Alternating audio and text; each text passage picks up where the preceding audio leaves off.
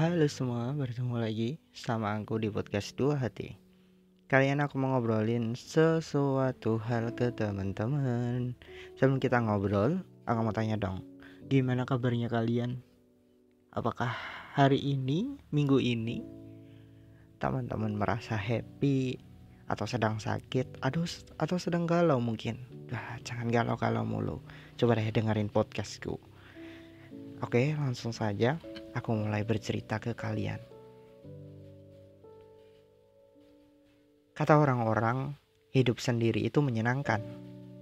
Mereka bilang kita bebas, bisa menjalani hari-hari sesuai dengan keinginan kita. Memang benar, kebebasan adalah salah satu satu hal yang istimewa dalam hidup. Tetapi terkadang seperti halnya manusia biasa, bahkan dalam hidup dalam kebebasan itu sendiri kita bisa merasakan kesepian. Pernah suatu hari seorang teman bertanya kepadaku, "Kenapa kamu milih sendiri? Apakah kamu tidak memiliki seorang di sampingmu?" Aku hanya menjawab dengan santai, "Mungkin karena aku tidak sedang mencarinya."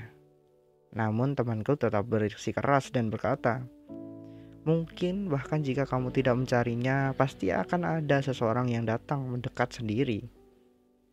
Sesungguhnya, aku sangat sadar bahwa itu bukan alasan utama. Aku tahu betul, aku tahu. Hati kecilku ingin sekali curhat dan menjelaskan semuanya. Namun, terkadang aku merasa malas untuk mengungkapkannya. Sejujurnya, ada satu hal yang selalu ada di benakku dan itulah ketakutanku. Takut tidak diterima baik. Takut tidak diterima dengan baik. Takut ditinggalkan. Takut bahwa aku mungkin tidak cukup untuk seseorang. Dan takut bahwa aku tidak bisa memenuhi ekspektasi. Atau diandalkan oleh seseorang yang aku cintai. Aku masih mencari, mencari alasan yang kuanggap tepat untuk menjawab pertanyaan. Kenapa orang harus suka aku? Namun, Mungkin saat ini aku masih dalam proses merangkai puzzle kecil itu, mencoba memahami dan menerima diriku sendiri. Sebelum aku bisa memberikan diriku kepada seseorang dengan sepenuh hati. Ya, episode ini gimana teman-teman? Ada orang yang masih pengen sendiri karena berbagai alasan yang tadi aku sampaikan. Sebenarnya sendiri itu nggak apa-apa tapi mau sampai kapan?